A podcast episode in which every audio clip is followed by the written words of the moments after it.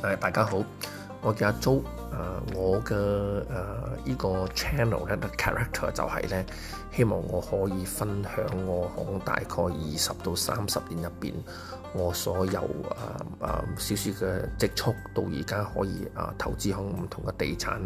房地產啦、唔同嘅國家啦，同埋誒股市啦。啊啊，期指啦，期貨啦，希望我嘅經驗會俾大家帶嚟多少啊參考啦。最緊要就係我覺得係，如果你有好多資金咁啊，係啊，另外一個玩法啦。而我最緊要就係，如果你由由低冇乜資金開始，